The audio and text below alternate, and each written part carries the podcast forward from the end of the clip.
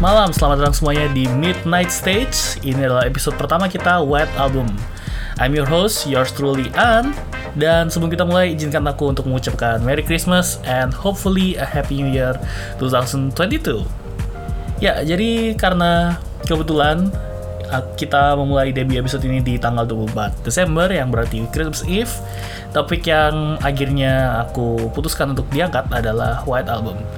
Jadi apa sih White Album ini? Well, we'll see. Jadi sebelum kita mulai, izinkan aku untuk bercerita sedikit bagaimana aku bisa masuk ke hobi uh, anime ini ya. White Album ini dikenal lebih luas sebagai salah satu judul anime. So, karena itu sekali lagi izinkan aku untuk bercerita sedikit tentang background bagaimana aku bisa sampai masuk ke dunia anime. So, sama seperti anak-anak Indonesia pada umumnya yang kelahiran tahun 90-an, kita pasti mengenal anime pertama kali, walaupun gak sengaja, itu pasti dari acara kartun minggu pagi yang ada entah di RCTI, SCTV, ataupun Indosiar pada saat itu. Well, um, An kecil ini pertama kali menonton yang namanya Doraemon, robot kucing musang ajaib kesayangan kita semua. Dan pada saat itu sih uh, aku nggak bilang itu sebagai sebuah anime karena pada saat itu ya kita nyebutnya kartun. Which is which is fine. Um, dan setelah dari Doraemon ini dan yang sampai sekarang pun aku suka dan oh my god film-film yang Stand By Me satu dua itu berhasil bikin aku nangis. Nangis really good. Uh, kita bakal nyimpen uh, topik Doraemon ini buat next time. So anyway uh, sejak sejak akhirnya menikmati uh, kartun bernama Doraemon ini uh, selera seni animasi yang aku suka itu adalah yang mirip-mirip dengan manusia. So pada saat kecil dulu itu uh, karena keluargaku cukup beruntung untuk bisa pasang TV kabel. Uh, beberapa channel kartun yang ditunjukkan itu adalah channel kartun Amerika ya seperti contohnya Cartoon Network, Nickelodeon, Disney Channel yang pada uh, yang yang yang aku nggak mau bilang mereka jelek ya, but art stylenya itu well kartuni American kayak ya Mickey Mouse terus Donald terus habis di Cartoon Network ada Dexter's Laboratory which I really like juga aku suka Dexter's Laboratory terus habis itu Powerpuff Girls wah, Powerpuff Girls itu terus habis itu di Nickelodeon juga uh, SpongeBob sama apa lagi Nickelodeon pada saat gitu ya. Ada Welton Berry juga emang nggak terlalu suka Welton Berry. Rugrats ya yeah, Rugrats is really good too.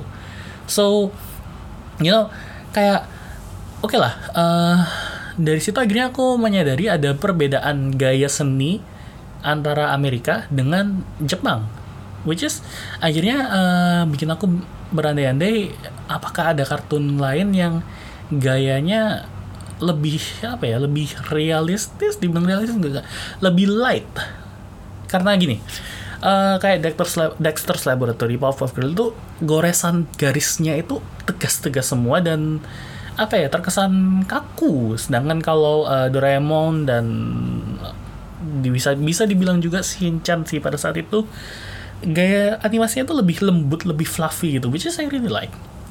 Uh, lalu kita balik dulu ke masa-masa di mana aku masih nonton uh, TV nasional itu uh, ini ini sedikit unik sih jadi di Indosiar dulu itu pernah nayangin uh, Air Gear hari Minggu pagi untuk anak-anak kecil untuk dilihat like yeah, I think I think I think Erger is the one that makes me grow up soon. I mean, Simka is my baby man. uh, anyway, uh, setelah itu akhirnya jujur kalau pada saat itu nonton TV kabel itu selalu antara Disney Channel, Cartoon Network atau Nickelodeon. Jadi suatu hari pun akhirnya bosen karena ya tiap hari Dexter's Laboratory lagi, Jimmy Neutron lagi, Fairy Odd Parent lagi. Um, akhirnya aku memutuskan untuk uh, channel surfing dan pada saat itu nggak sengaja stumbling ke channel AXN yang sebenarnya lebih dikenal dengan uh, pada saat itu sih CSI terus ada Amazing Race. Terus apa lagi ya AXN pada AXN pada zaman itu ya? Um, 24 ya yeah, I, I think 24 juga masuk AXN pada saat itu. Nah The thing is, uniknya pada saat itu itu EXN bukannya nayangin acara-acara episodik barat ini, tapi yang ditayangin adalah Samurai X, Rurouni Kenshin, entah kenapa. Dan dari situ kayak, oh oke okay, ternyata ada channel kartun Jepang di TV kabel ini. Nah, dan dari situ akhirnya uh, penasaran coba-coba channel surfing lain dan kebetulan nggak sengaja ketemu dengan satu channel yang aku yakin semua wibu uh, penikmat TV kabel pada saat itu pasti tahu semua namanya Animax.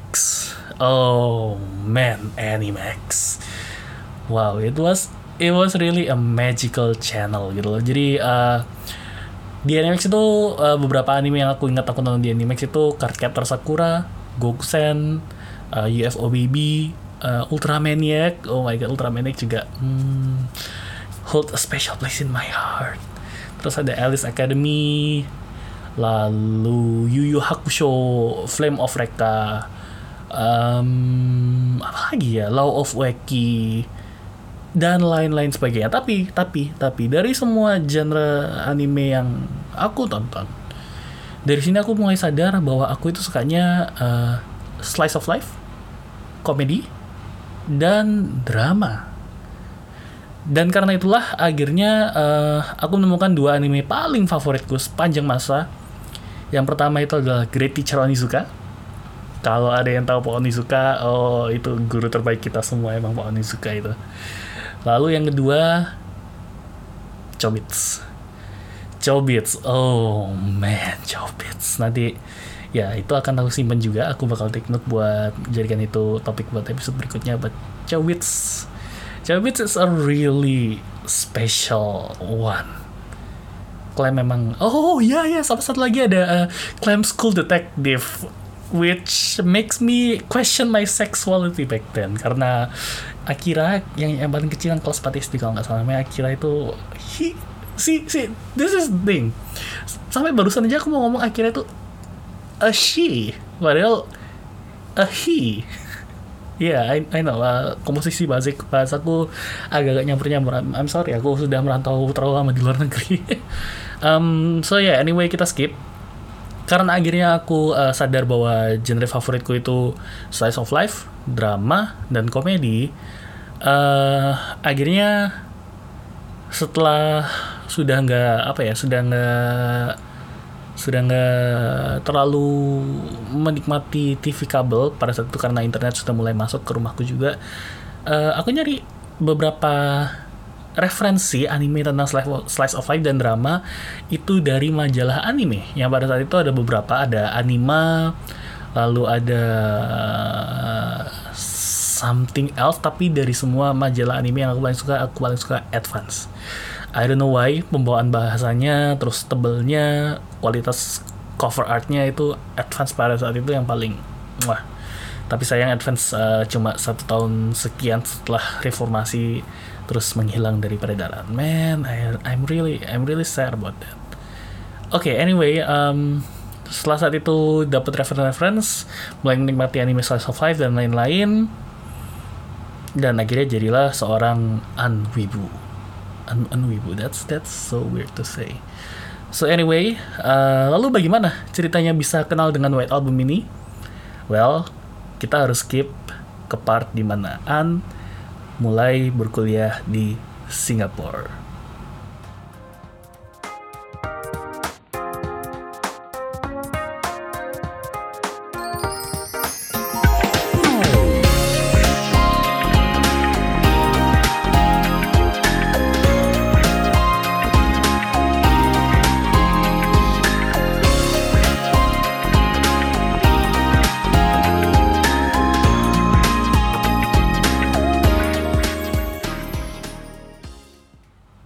Yang baru saja kalian dengar itu adalah beberapa not awal dari lagu legendaris White Album. So, pada saat itu An sudah mulai berumur 21 tahun. Itu setelah satu tahun sekian berkuliah di Singapura.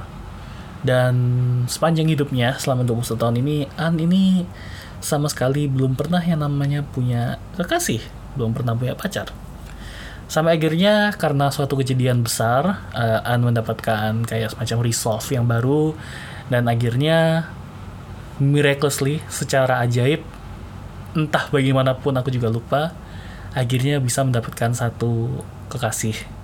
Kekasih pertama yang to be honest even until now I still love her dan she's she's just she's just the perfect woman actually. And I I, I realize I fucked up. I fucked up gitu. Anyway um, sedikit uh, informasi mengenai mengenai pacarnya An. Uh, kita akan sebut namanya siapa ya? Uh, kita sebut namanya uh, Winter. Kita sebut Winter aja Mbak Winter. Mbak Mbak Winter ini uh, sama seperti An dia berasal dari luar negeri juga yang kuliah di Singapura Bedanya pada saat dia Singapura itu karena keluarganya lagi ada dinas, makanya dia diajak dan melanjutkan edukasi. Jadi uh, sambil keluarganya dinas, dia pun sambil bisa meng, apa ya, menjalani edukasi yang lebih baik, yang lebih tinggi di luar negeri. Tapi bukan hanya keluarganya yang datang, uh, Mbak Winter ini punya satu sahabat sejak SMP yang pada dasarnya sih udah kayak keluarga sendiri juga gitu loh. Ya kita sebut aja namanya hmm, my, hmm. Oke, okay, really sorry about that. Um, jadi maaf uh, sebelumnya aku jelasin aku record ini di apartemenku so kadang tetanggaku juga agak rame so I'm sorry about that well anyway um, kita balik lagi jadi uh, Mbak Winter ini punya sahabat sejak SMP yang kita sebut aja namanya Mbak Summer. oh my god, that's so ironic. Uh, Mbak Summer dan Mbak Winter ini itu bersahabat, baik banget. Dan mereka pun pada saat di Singapura, uh, mereka ambil jurusan something something art gitu, di mana salah satu kegiatan ekstra mereka itu adalah ngeband gitu loh. Uh, aku bisa kenal dengan mereka juga karena nggak sengaja juga basically. Uh, suatu kejadian di studio gitu terus akhirnya kenalan. Dekat. Lalu setelah tiga bulan empat bulan akhirnya jadian. Nah, maaf aku sedikit nostalgia dengan cerita ini but will continue will continue.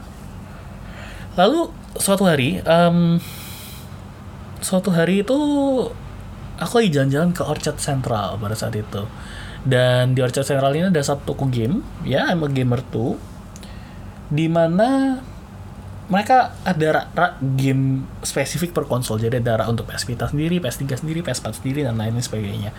Dan di rak PS Vita ini aku melihat ya uh, game legendaris ini, uh, game keramat ini yang judulnya White Album 2 White album tuh Siawase no Muko nih Siawase no Muko nih kalau nggak salah. Uh, yang ternyata itu adalah kompilasi dari dua game yang awalnya ada di komputer tapi aku belum tahu pada saat itu. Uh, dan dari situ aku melihat uh, back covernya. Di back covernya kan biasanya tau lah kalau kalian game selalu ada kayak deskripsi kecilnya sinopsisnya gitu lah dan game ini tuh region Jepang which is berarti nggak ada bahasa Inggrisnya sama sekali. So uh, aku bisa sedikit, baca sedikit hiragana kata-kata dan kanji level dasar dan di belakangnya itu ada salah satu kata yang di bold itu adalah idol idol. Nah, diri ini sebagai salah satu fans uh, Idol Master juga pada saat itu uh, mengira White Album 2 ini adalah game idol, game idol breeding karena di depannya ada dua cewek, terus back covernya nge-highlight idol. Oh, how I was so wrong gitu tapi uh, pada saat itu akhirnya aku taruh balik karena harganya terlalu mahal nggak ses sesuai dengan budget anak perantauan pada saat itu jadi aku taruh balik tapi pas aku sampai lagi di apartemen uh, aku kontak-kontak dengan salah satu teman di komunitasku kita sebut saja namanya Will Will Hobbs kita sebut aja namanya Will Hobbs karena anaknya mirip banget sama Powerhouse Hobbs yang ada di AEW. Oh yeah, I watch wrestling too. How did you know? uh, Hobbs ini dan aku akhirnya uh, kayak diskusi uh, aku diskusi ke dia. Hey Hobbs kamu pernah tahu game judulnya White Album nggak? Dan this is surprising karena reaksi dia pertama kalinya oh jangan sentuh jangan sentuh judul itu. Terus I was like why? I, I mean artnya bagus terus belakangnya tulisan idolnya apa lalu dia balik uh, ya technically tentang idol sih but mm, mm, mm, mm oke okay lah nggak apa kamu kalau misalnya mau nonton animenya which is I was like oh ada animenya. Ya ada animenya. Kalau yang mau nonton uh, nonton aja yang kedua. Jangan nonton yang pertama. Dan di situ aku mulai kayak my guy why? Why why jangan yang pertama? Gitu nah uh, pertama kalinya aku kira kayak mungkin mungkin art stylenya sudah jelek. I mean kayak uh, Idolmaster sebelumnya juga ada Xenoculossia yang bagus tapi art stylenya nggak sebagus Idolmaster yang proper gitu kan. Ya mungkin kasus-kasus kayak gitu atau mungkin gameplaynya sudah terlalu rumit kayak Shin Megami yang pertama dengan Shin Megami Tensei 4 pada saat itu kan juga gameplaynya beda jauh gitu. Mungkin mungkin mungkin mungkin karena karena karena zamannya aja berbeda begitu. Tapi Hobbs ini kayak no trust me kalau kamu mau aman jangan jangan sentuh yang pertama. An sebagai seorang An dilarang tambah penasaran So, pada saat itu aku ngebuka uh, Wikipedia dan aku cari yang namanya White Album. Sebentar, sambil sambil sambil kita coba buka lagi aja di uh, eh, PC sini. Jadi kita bisa melihat uh, kita bisa melihat pada saat itu apa yang aku temukan di Wikipedia. Oke. Okay. Jadi aku baca di kalimat pertamanya uh, aku bacain langsung dari Wikipedia. Uh, White Album, Howaito Arubam, is a Japanese adult visual novel developed by Leaf and was originally released on May 1st, 1998 for Microsoft Windows as a CD-ROM. See? White Album is a Japanese adult visual novel, which is uh, aku kayak, oh, it's a porn game. it's an eroge ah, pada saat itu aku mikir kayak oh mungkin ini ini kasusnya kayak uh, Fate Fate Stay Night yang di mana dia pertama kalinya juga uh, eroge tapi habis itu berubah jadi uh, series mainstream karena emang storynya bagus. I mean uh, kalau kalian kalau kalian tahu konsol nggak mungkin ada ROG yang menunjukkan uh, uh, adegan eksplisitnya itu di konsolnya itu karena kalau ada adegan kayak gitu bakal masuk ke rating adult only yang nggak boleh dijual di retail pada saat itu sih.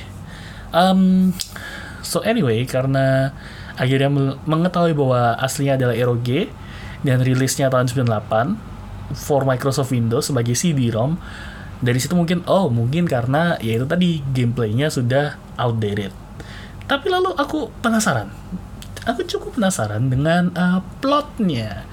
And you see, aku itu kadang kesel dengan spoiler, kadang juga penasaran dengan spoiler. So, uh, ya yeah, aku akhirnya uh, scroll ke bawah dan di bagian plot and charactersnya, akhirnya aku menemukan kenapa kok uh, si Hobbs itu bilang jangan sampai nyentuh yang series pertama. So, yeah, I'm gonna I'm gonna read it to you. Oke, okay? akan aku bacakan ke kalian. Plot and characters. The player assumes the role of Fuji Toya, voiced by Tomaki Maeno, White Album's male protagonist. Toya is a 20-year-old university student in his second year attending the Unagi University. He has a timid yet vulgar personality and is often unorganized. He often laments the lack of time he has to spend with Morikawa Yuki, voiced by Aya Hirano, who is who he is romantically attracted to. Yuki, White Album's main heroine, is an idol singer who is rising in popularity and is affiliated with the Ogata Productions. She has a warm and kind-hearted personality and is as and is in her second year at university. She and Toya were students at the same high school. Ogata Rina, voiced by Nana Mizuki, another heroine, is a popular idol singer with the same management agency as Yuki. Rina is elegant and intelligent, and good friends with Yuki. She is lonely because of her busy work schedule and develops feelings for Toya. Oke, okay. kalau kalian belum dapat, An, 21 tahun, kuliah. Fuji Toya, 20 tahun, kuliah. An punya kanojo, punya pacar Mbak Winter yang juga uh, kuliah dan berkecimpung di dunia musik sebagai gitaris di suatu band. Mbak Winter punya teman, Mbak Summer, yang juga berkecimpung di dunia musik sebagai seorang bassist yang juga sedang kuliah di Singapura. Do you see the connection here? Jadi dari situ kayak oh so that's why Hobbs nggak mau nggak mau aku sampai tahu White Album yang pertama. I see now. Nah dari situ akhirnya karena penasaran aku cari-cari video di YouTube dan salah satu video yang muncul pertama itu adalah ya itu tadi lagunya White Album yang na na na na na na na na dan when I listen to it lagunya ini melodinya bagus. Liriknya halus lembut. Me being me uh, ada beberapa kata yang aku paham tapi juga uh, karena uh, skill Japaneseku juga kurang kurang kurang memadai akhirnya aku cari uh, translatannya di anime lyrics pada saat itu kalau nggak salah. Dan aku baca dan it's basically a tragic love story. Dari situ aku sudah mulai ngerasa nggak enak. But me being me aku bisa ngeliat ini pasti ada diamond in the rough setidaknya gitu. Di balik uh, di balik semua hal-hal terkutuk ini gitu. Terus habis itu akhirnya kalau nggak salah aku mulai download animenya maafkan aku aku dulu bajak memang karena susah banget cari white album di mana. Tapi itu pun aku nggak jadi nonton karena nggak punya waktu pas itu. Tapi akhirnya aku mendapatkan uh, pengalaman pertama dengan franchise White Album ini dari mangganya. Jadi sebenarnya ceritanya gimana sih mangganya White Album itu? Well we gonna speak about that in our next segment. Please please give me just a little bit of break. Thank you very much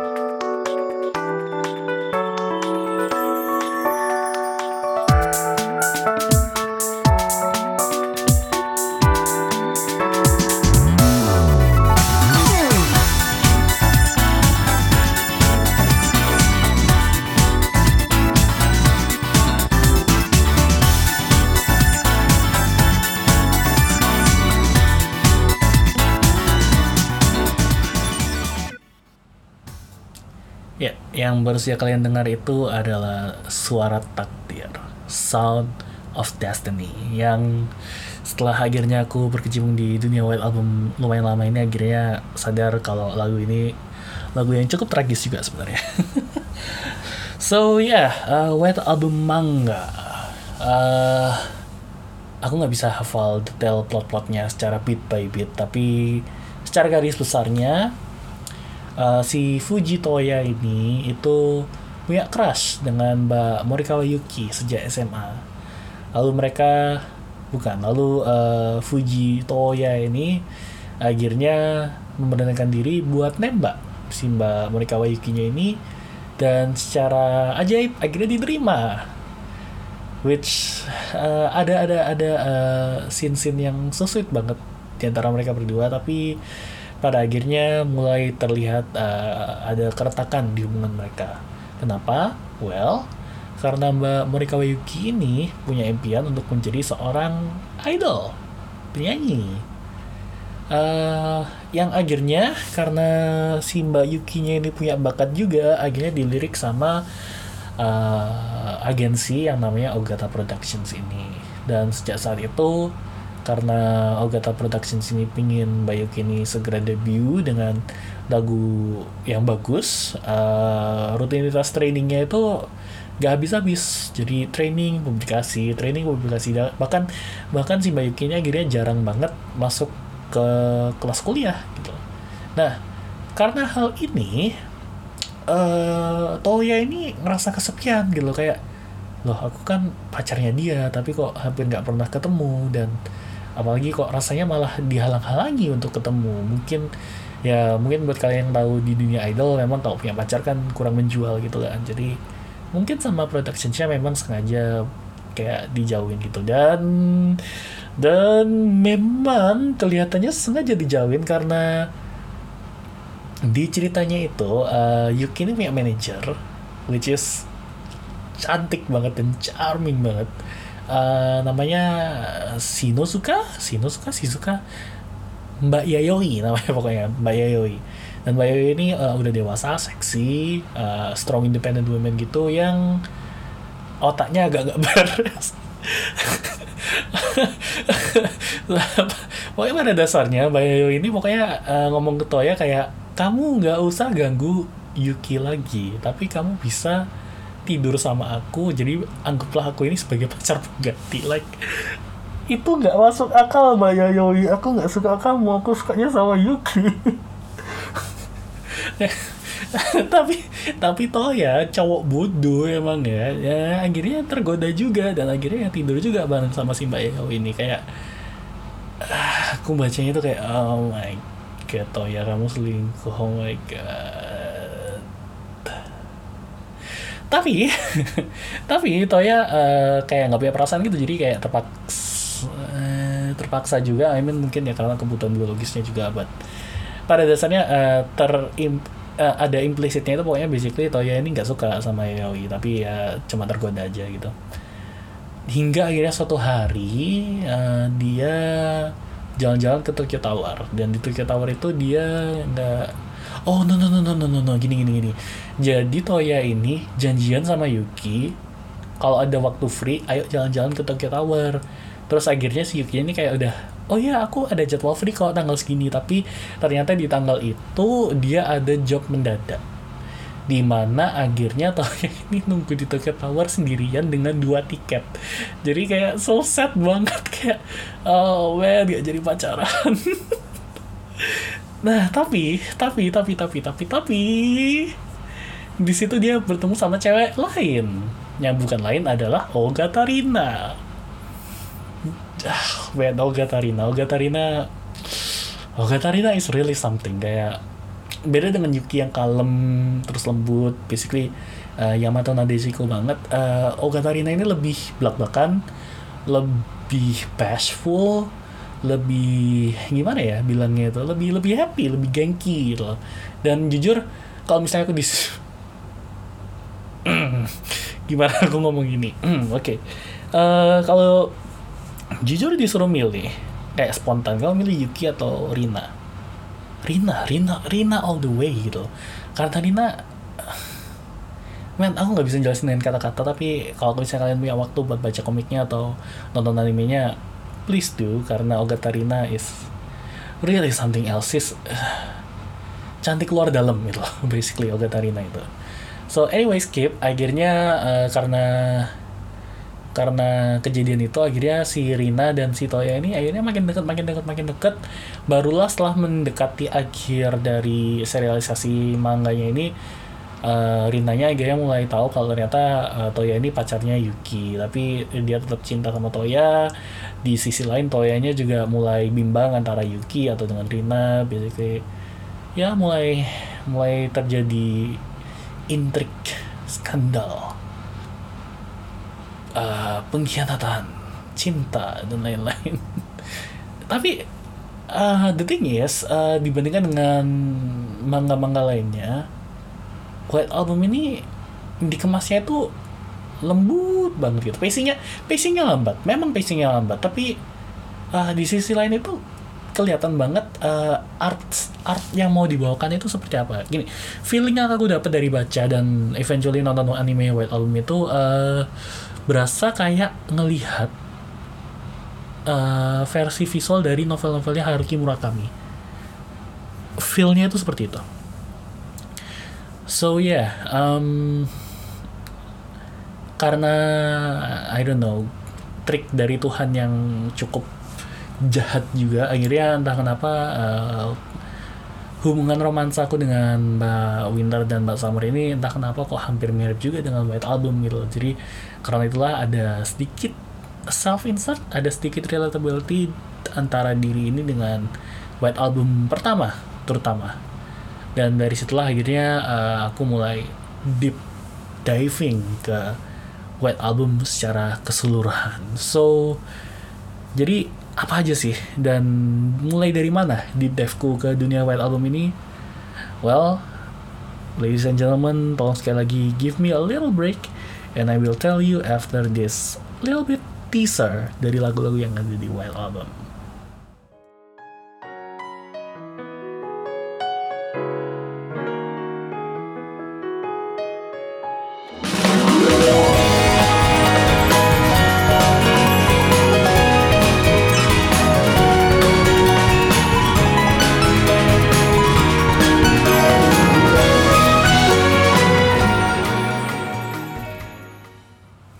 baru saja kalian dengar itu adalah uh, note-note opening dari Shin Ai, uh, opening pertama dari White Album anime season 1. So ya, yeah, bagaimana aku akhirnya masuk ke dunia White Album ini? Seperti yang kalian tahu tadi, uh, sebelum aku nonton anime, sebelum aku main gamenya semuanya, uh, aku dimulai dari manga, dari manga serialisasi uh, White Album. Kalau nggak salah ya sekitar 13 volume atau nggak kalau nggak salah kurang dari itu bahkan yang pada dasarnya uh, storynya itu nggak serumit di visual novel ataupun di animenya tapi cukup menjadi titik awal yang bagus untuk mereka-mereka yang ingin terjun dalam ke fandom White Album ini. So ya yeah, setelah dari manga itu akhirnya aku uh, nonton animenya. Ada sekitar 26 episode yang terbagi jadi 13 episode per seasonnya. Yang jujur tempo dan pacingnya itu jauh lebih lambat daripada versi manganya. Tapi dari anime ini juga aku yang paling merasa uh, bisa merasakan vibe-vibe ala Haruki Murakami karena intrik dan konflik yang dialami sama Toya dengan Yuki dengan Rina itu semakin terasa. Uh, satu hal yang nang nangkep banget dari anime ini adalah dari soundtracknya. Soundtracknya tuh perpaduan antara pop, J-pop dengan klasikal-klasikal yang main banyak di area string, main banyak di area saxophone dan lain-lain sebagainya. Uh, sebagai info aja untuk White Album yang pertama ini settingnya kalau nggak salah dia berada di tahun 1980-an, which is tahun-tahun zaman-zaman city pop, zaman-zaman disco gitu. Jadi uh, vibe-vibe-nya walaupun nggak terasa langsung di animenya, tapi kalau kalian ada kesempatan buat menikmati soundtracknya, itu vibe-nya ya 80-an banget gitu which is karena aku suka dengan genre macam uh, city pop, funk, disco, uh, future funk juga, ini really strikes a good note gitu Uh, mungkin untuk beberapa orang karena di My Anime List juga aku melihat uh, banyak review yang katanya pacingnya lambat terus habis itu ada banyak apa ya uh, inconsistencies gitu. I mean gini, setiap anime yang diangkat dari visual novel itu pasti nggak bisa sempurna. Kenapa?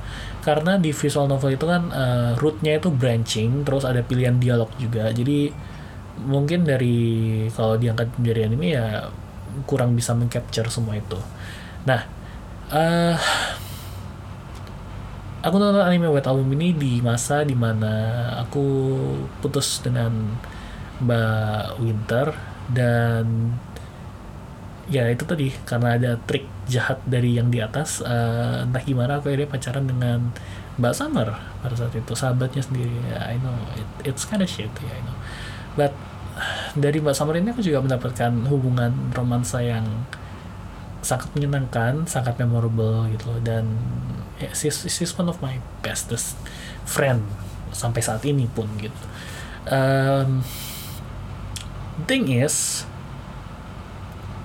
maaf aku agak side track. Aku tadi ngomong sampai mana? Oh ya, yeah, the thing is, buat album anime itu aku menyadari kurang detail antara storynya dan karena di sini aku uh, mulai mulai apa ya mulai digging up gimana caranya supaya aku bisa main White Album ini aku menemukan bahwa ada website di mana kamu bisa download White Album yang versi tahun 98 yang Microsoft Windows itu. Atau aku bisa main di PS3 karena ternyata White Album ini dapat remake tahun 2009 kalau nggak salah atau 2007 gitu. Uh, White Album di PS3 sama di PC juga yang di mana ini kayak sama kayak Fate Stay kasusnya uh, bagian vulgarnya itu dikat terus ditambahkan dengan bonus scene yang nggak ada di game original di manga maupun di animenya. Jadi ada idol ketiga kalau nggak salah di gamenya ini. Dan karena aku obses dengan White Album pada saat itu aku akhirnya nyari-nyari sampai ke Amazon. Bukan hutan Amazon tapi ke Amazon Japan kalau nggak salah. Dan akhirnya menemukan ada yang ngejual second uh, versi collector edition dari White Album hmm, apa sih judulnya itu? Ada White Album Sura wait sebentar maaf mari, mari kita lihat. Aku aku kurang suka kalau misalnya aku nggak bisa menemukan judul aslinya itu. Um, Nah ini. White Album Suzura uh, White Album Suzuraru Fuyu no Omoide. Jadi itu versi remake-nya tahun 2010 yang dirilis untuk Windows XP, Windows Vista, Windows 7 dan PS3 dan you know the thing is funny thingnya adalah uh, versi PC-nya ini merupakan versi port dari PS3 jadi mereka rilis buat PS3 dulu habis di port ke PC yang uh, ini uh, was released on the content delivery website DMM on March 13th 30 March 30 30th March March 30th 2012 jadi uh, di PS4 di PS3 nya itu rilis tahun 2010 dulu.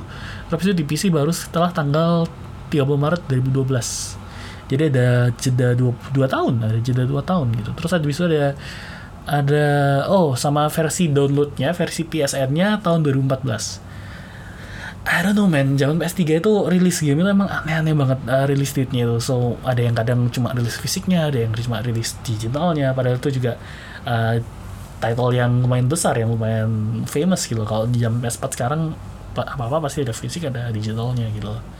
So, yeah, anyway, uh, aku akhirnya menemukan versi PS3-nya ini dan aku mulai main. Jadi, uh, bagaimana pengalaman bermain White Album ini? Well, uh, let's let's jump into it.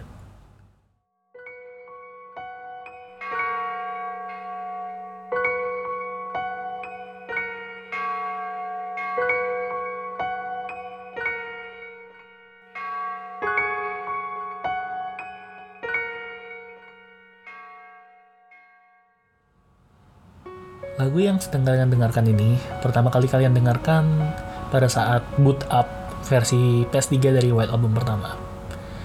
Dari saat pertama kali aku mendengarkan background music ini itu langsung aku sadar bahwa oh damn vibe-nya White Album yang versi visual novel ini jauh lebih sedih daripada versi manga maupun animenya gitu.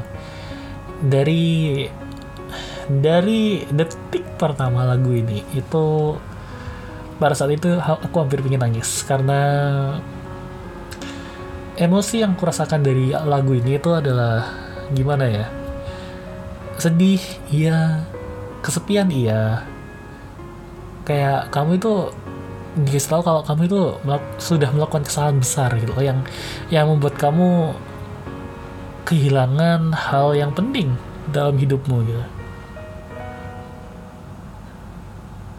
Tapi di sisi lain ada bagian dari background music ini yang entah kenapa terasa hangat terasa terasa seakan ingin memberitahu bahwa nggak apa-apa kamu akan kesalahan iya.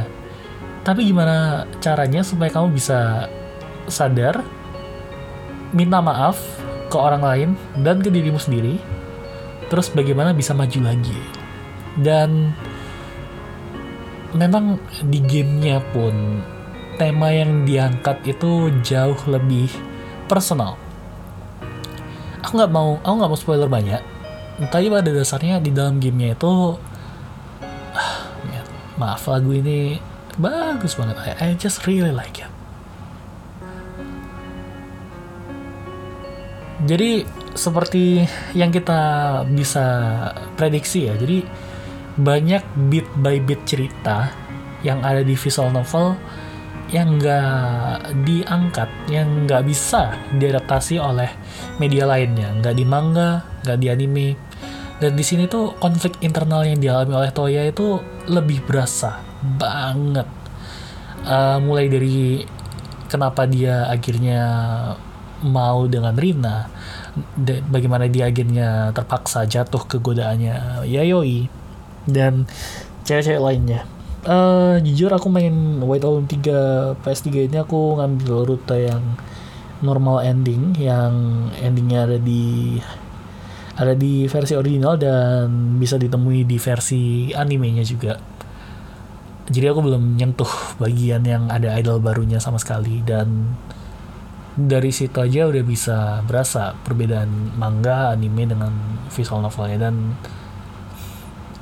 pas sampai di endingnya tuh it really made me cry.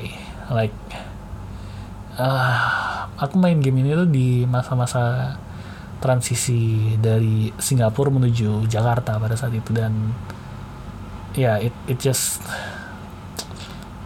ya seperti yang aku bilang tadi uh, kayak bilang kalau kamu itu udah melakukan kesalahan besar dan tapi kamu harus own it dan maju lagi melangkah ke depan. Gimana gimana selanjutnya nggak ada yang tahu gitu so yeah it it it really strikes a chord with me. So ke topik yang lebih positif lagi karena aku beli ini dari Amazon JP yang versi collector edition di dalamnya ada beberapa bonus freebies gitu jadi selain gamenya uh, dapat juga CD soundtrack yang that's why gimana aku bisa dapat musik openingnya itu ya gara-gara dari CD soundtracknya itu. Lalu ada juga uh, konsep artbooknya yang bagus banget kayak oke okay, you know what? White album pertama my best girl itu Olga Tarina. So ngelihat high quality artnya dalam bentuk buku yang walaupun ukurannya kecil sih A5 no no not A5 kayak A4 gitu. It's it's really wonderful. Nah tapi kalau main gamenya aja well semua orang bisa main gamenya aja gitu kan. Uh, White Album itu selain dari gamenya musik musik yang ada di dalam gamenya itu juga menusuk banget.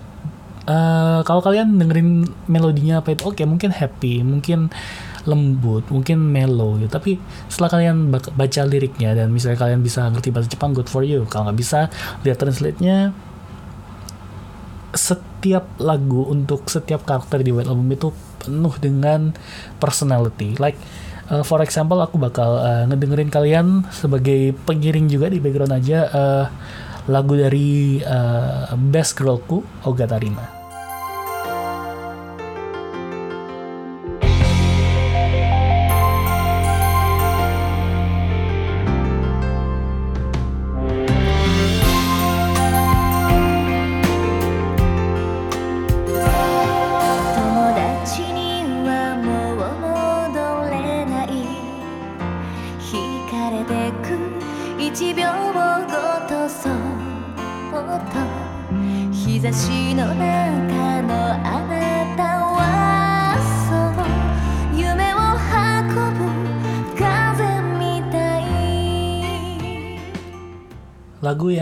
saja kalian dengarkan itu berjudul Garasu no Hana alias Bunga Kaca yang dinyanyikan oleh Olga Tarina, my best girl personally.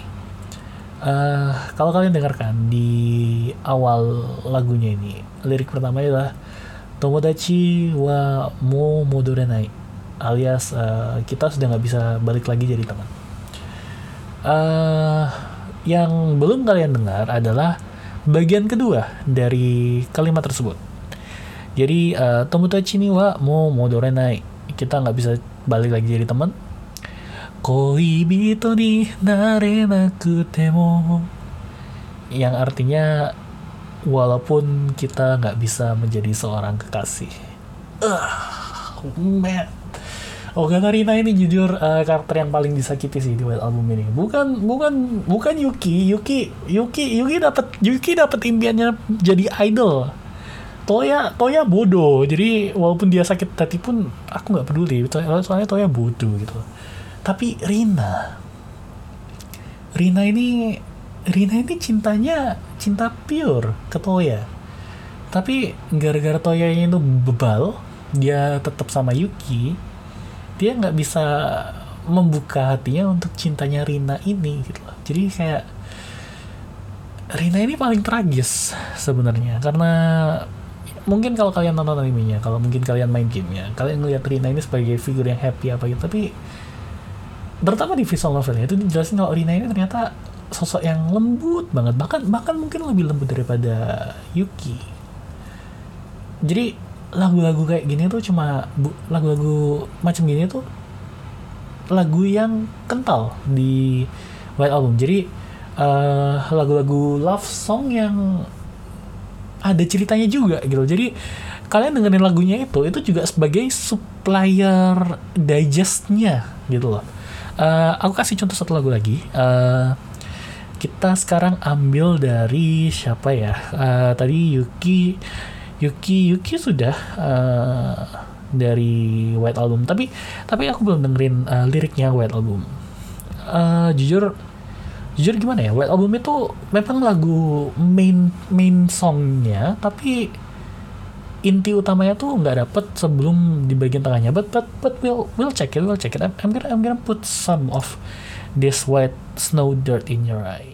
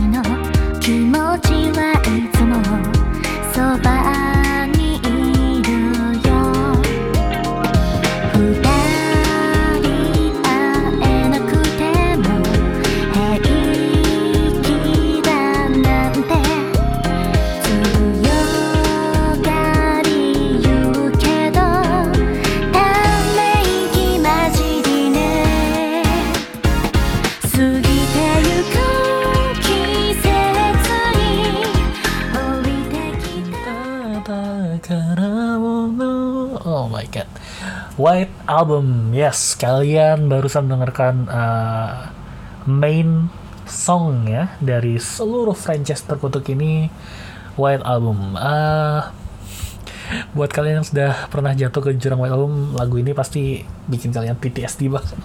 Um, Ya jadi White Album. Uh, Aku tadi barusan ngasih kalian uh, dua, empat, empat kalimat di lagunya. Uh, dari yang pertama kali mainichi ga fuete iku keredo otagai no kimochi wa itsumo soba ni iru yo itu punya arti uh, walaupun hari demi hari terlewati uh, perasaan kita akan selalu ada di sisiku gitu. Jadi seperti aku yang bilang tadi, jadi lagu di Y album itu bukan cuma sekedar theme song atau uh, bukan sekedar soundtrack aja, tapi juga bantu dengan uh, plot pointnya yang ada di dalamnya. Jadi seperti yang kita ketahui dari beberapa saat yang lalu, uh, Morikawa Yuki ini idol yang karena dia mengejar impiannya, akhirnya waktu untuk uh, bersama dengan Toya ini gak banyak gitu. Tapi lagu ini menggambarkan bahwa walaupun mereka terpisah, Yuki ini selalu merasa Toya ada di sisinya gitu. Terus habis itu dilanjutkan dengan uh, lirik yang berikutnya uh, ini ya Fut Futari aenaku eiki da nante tsuyogari yu kedo tame iki majiri ne Oh my god, PTSD anjir. So ya, yeah, uh, lirik berikutnya yang futari enak temo gitu. Uh, walaupun kita berdua nggak bisa ketemu. Hei kira nante. Aku bilang nggak apa-apa kok. Oh man ini hits too close to home. Uh, lalu yang suyogari yukedo uh, walaupun aku ngomong seperti itu Tameiki majirine itu kayak aku tetap apa ya ngerasa nggak nyaman gitu. Kayak kayak apa ya kayak Tameiki majirine itu kayak kayak walaupun aku ngomong oh nggak apa-apa kok tapi aku kayak kayak gitu loh. Kayak kayak menghela nafas. Ah ya bagikan menghela nafas itu karena karena ya bohong gitu. I mean buat kalian yang belum pernah merasakan LDR setelah apalagi kalau setelah kalian sudah tinggal bareng selama dua tahun lebih dan akhirnya harus terpaksa LDR itu kayak hubungan kalian tuh jadi kayak nggak hubungan gitu loh kayak kayak ya kayak walaupun sekarang ada video call walaupun sekarang ada internet apa gitu but still nggak ada yang nggak ada yang ngalahin ketemu nggak ada yang ngalahin bisa tinggal bareng gitu nggak ada. Jadi lagu ini pada dasarnya kayak curhatan dan juga reassure Yuki ke dirinya sendiri bahwa aku kuat kok, aku bisa.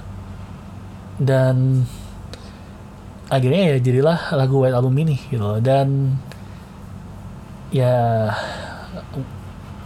you know what White Album ini penuh dengan orang-orang yang saling membohongi dirinya sendiri gitu loh. Jadi karena mereka saling membohongi dirinya, dirinya sendiri, akhirnya timbul konflik-konflik yang sebenarnya nggak perlu gitu loh. Well nggak bisa disalahin juga sih. I mean aku nggak mau spoiler karena White Album ini salah satu anime yang dearly beloved banget buat aku. So kalau kalian dari dengerin ini tertarik go go for it. Uh, terutama yang White Album 1 please karena uh, kalau yang White Album 2 aku yakin beberapa orang pasti juga udah tahu karena itu yang akhirnya menjadi mainstream itu yang White Album 2 gitu. Tapi yang White Album 1 kalian harus harus nonton harus baca, harus main kalau bisa. Uh, by the way belum ada translation Inggrisnya jadi masih pure Japanese. So yeah, you need something to understand that. Maybe ambil tes JLPT dulu atau mungkin akhir no, sambil aku aku aku pernah lihat sih orang-orang yang main visual novel bahasa Jepang tapi habis itu ada window kecilnya terus bisa kayak live translation gitu. I, I never try it but kalau kalian bisa ya yeah, go go try with that gitu. Um, lanjut aku akan kasih kalian lagu terakhir uh, dari sisi album yang pertama. Uh, dan ini lucunya juga lagu ending dari visual novelnya White Album. Dan sekali lagi as I told you Best Girl lagu ini dibawakan oleh Ogata Rina so yeah check it out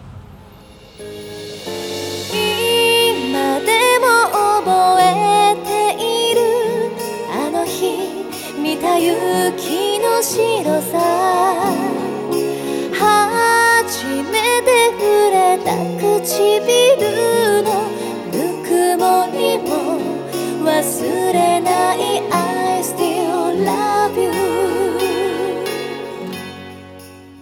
Lagu yang barusan kalian dengar adalah Powder Snow yang sekali lagi dinyanyikan oleh Bass Girl, Bass Girl, Bass Girl, Ogata Rina. Jadi di mana White Album itu lagu love song tragis yang pada dasarnya reassure Yuki bahwa perjuangannya selama ini tuh nggak sia-sia. Bahkan uh, mungkin suatu saat nanti bakal bisa ketemu dengan Toya lagi untuk cherish memori yang telah dihasilkan mereka berdua selama ini. Jadi uh, White Album itu bittersweet, tapi Powder Snow ini oh Powder Snow. Powder Snow cuma meyakinkan aku bahwa Rina itu cewek paling tragis di White Album ini. Jadi uh, potongan lirik yang barusan aku kasih ke kalian itu uh, bunyinya seperti ini. Ima demo oboete iru ano hi mita yuki no shirosa. Itu artinya bahkan sampai sekarang aku masih ingat salju putih yang turun di hari itu. 初めて触れた唇のぬくもりも忘れない I still love you itu itu artinya aku tidak akan pernah melupakan kehangatan dari bibir yang aku cium pertama kali I still love you ah ini lagu ini kalau nggak salah main di salah satu ending White Album Uh, di mana spoiler, spoiler, spoiler, spoiler, spoiler, beep it from now, uh, 30 detik ke depan, go. Di mana uh, akhirnya Toya milih untuk baikan sama Yuki, jadi Rina ini dilupakan. So, maka dari itu lagu ini muncul. Spoiler over. Dan ini apa ya, berarti...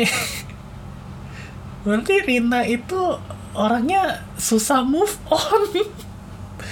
Padahal dia idol yang lebih senior idol yang pembawaannya tuh lebih happy lebih gengki. Tapi ketika dihadapkan dengan situasi romance yang cukup rumit kayak gini Rina malah jadi yang lebih soft lebih lebih lemah gitu.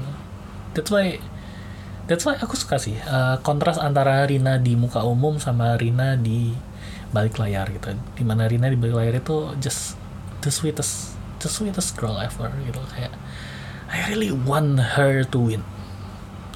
Tapi ya kalau kalian main visual novelnya terus ngeliat true endingnya silahkan kalian lihat sendiri. Karena true endingnya itu mampus kamu tuh mampus kamu mainin perasaan cewek banyak. Ya true endingnya true endingnya good. True endingnya penuh dengan uh, pelajaran so yeah uh, that's all that I got for you all itu semua yang bisa aku sampaikan untuk kalian untuk uh, kali ini uh, terima kasih sudah mampir di midnight stage pada malam ini dan um, aku aku aku pasti akan ngomong tentang sequelnya karena aku pun juga setelah beberapa lama akhirnya ya cobalah testing the water dengan album 2 gitu. dan dan dan the thing is aku masih ingat ketika Hobbs bilang an whatever you do jangan main yang pertama. Yang kedua aja nggak apa-apa tapi jangan yang pertama. And you know what? Setelah aku akhirnya mm, ter terjun ke fandom White Album ini dan kemudian main White Album yang kedua fuck you Hobbs fuck you truly. Karena yang kedua for some reason juga lebih fucked up daripada yang pertama.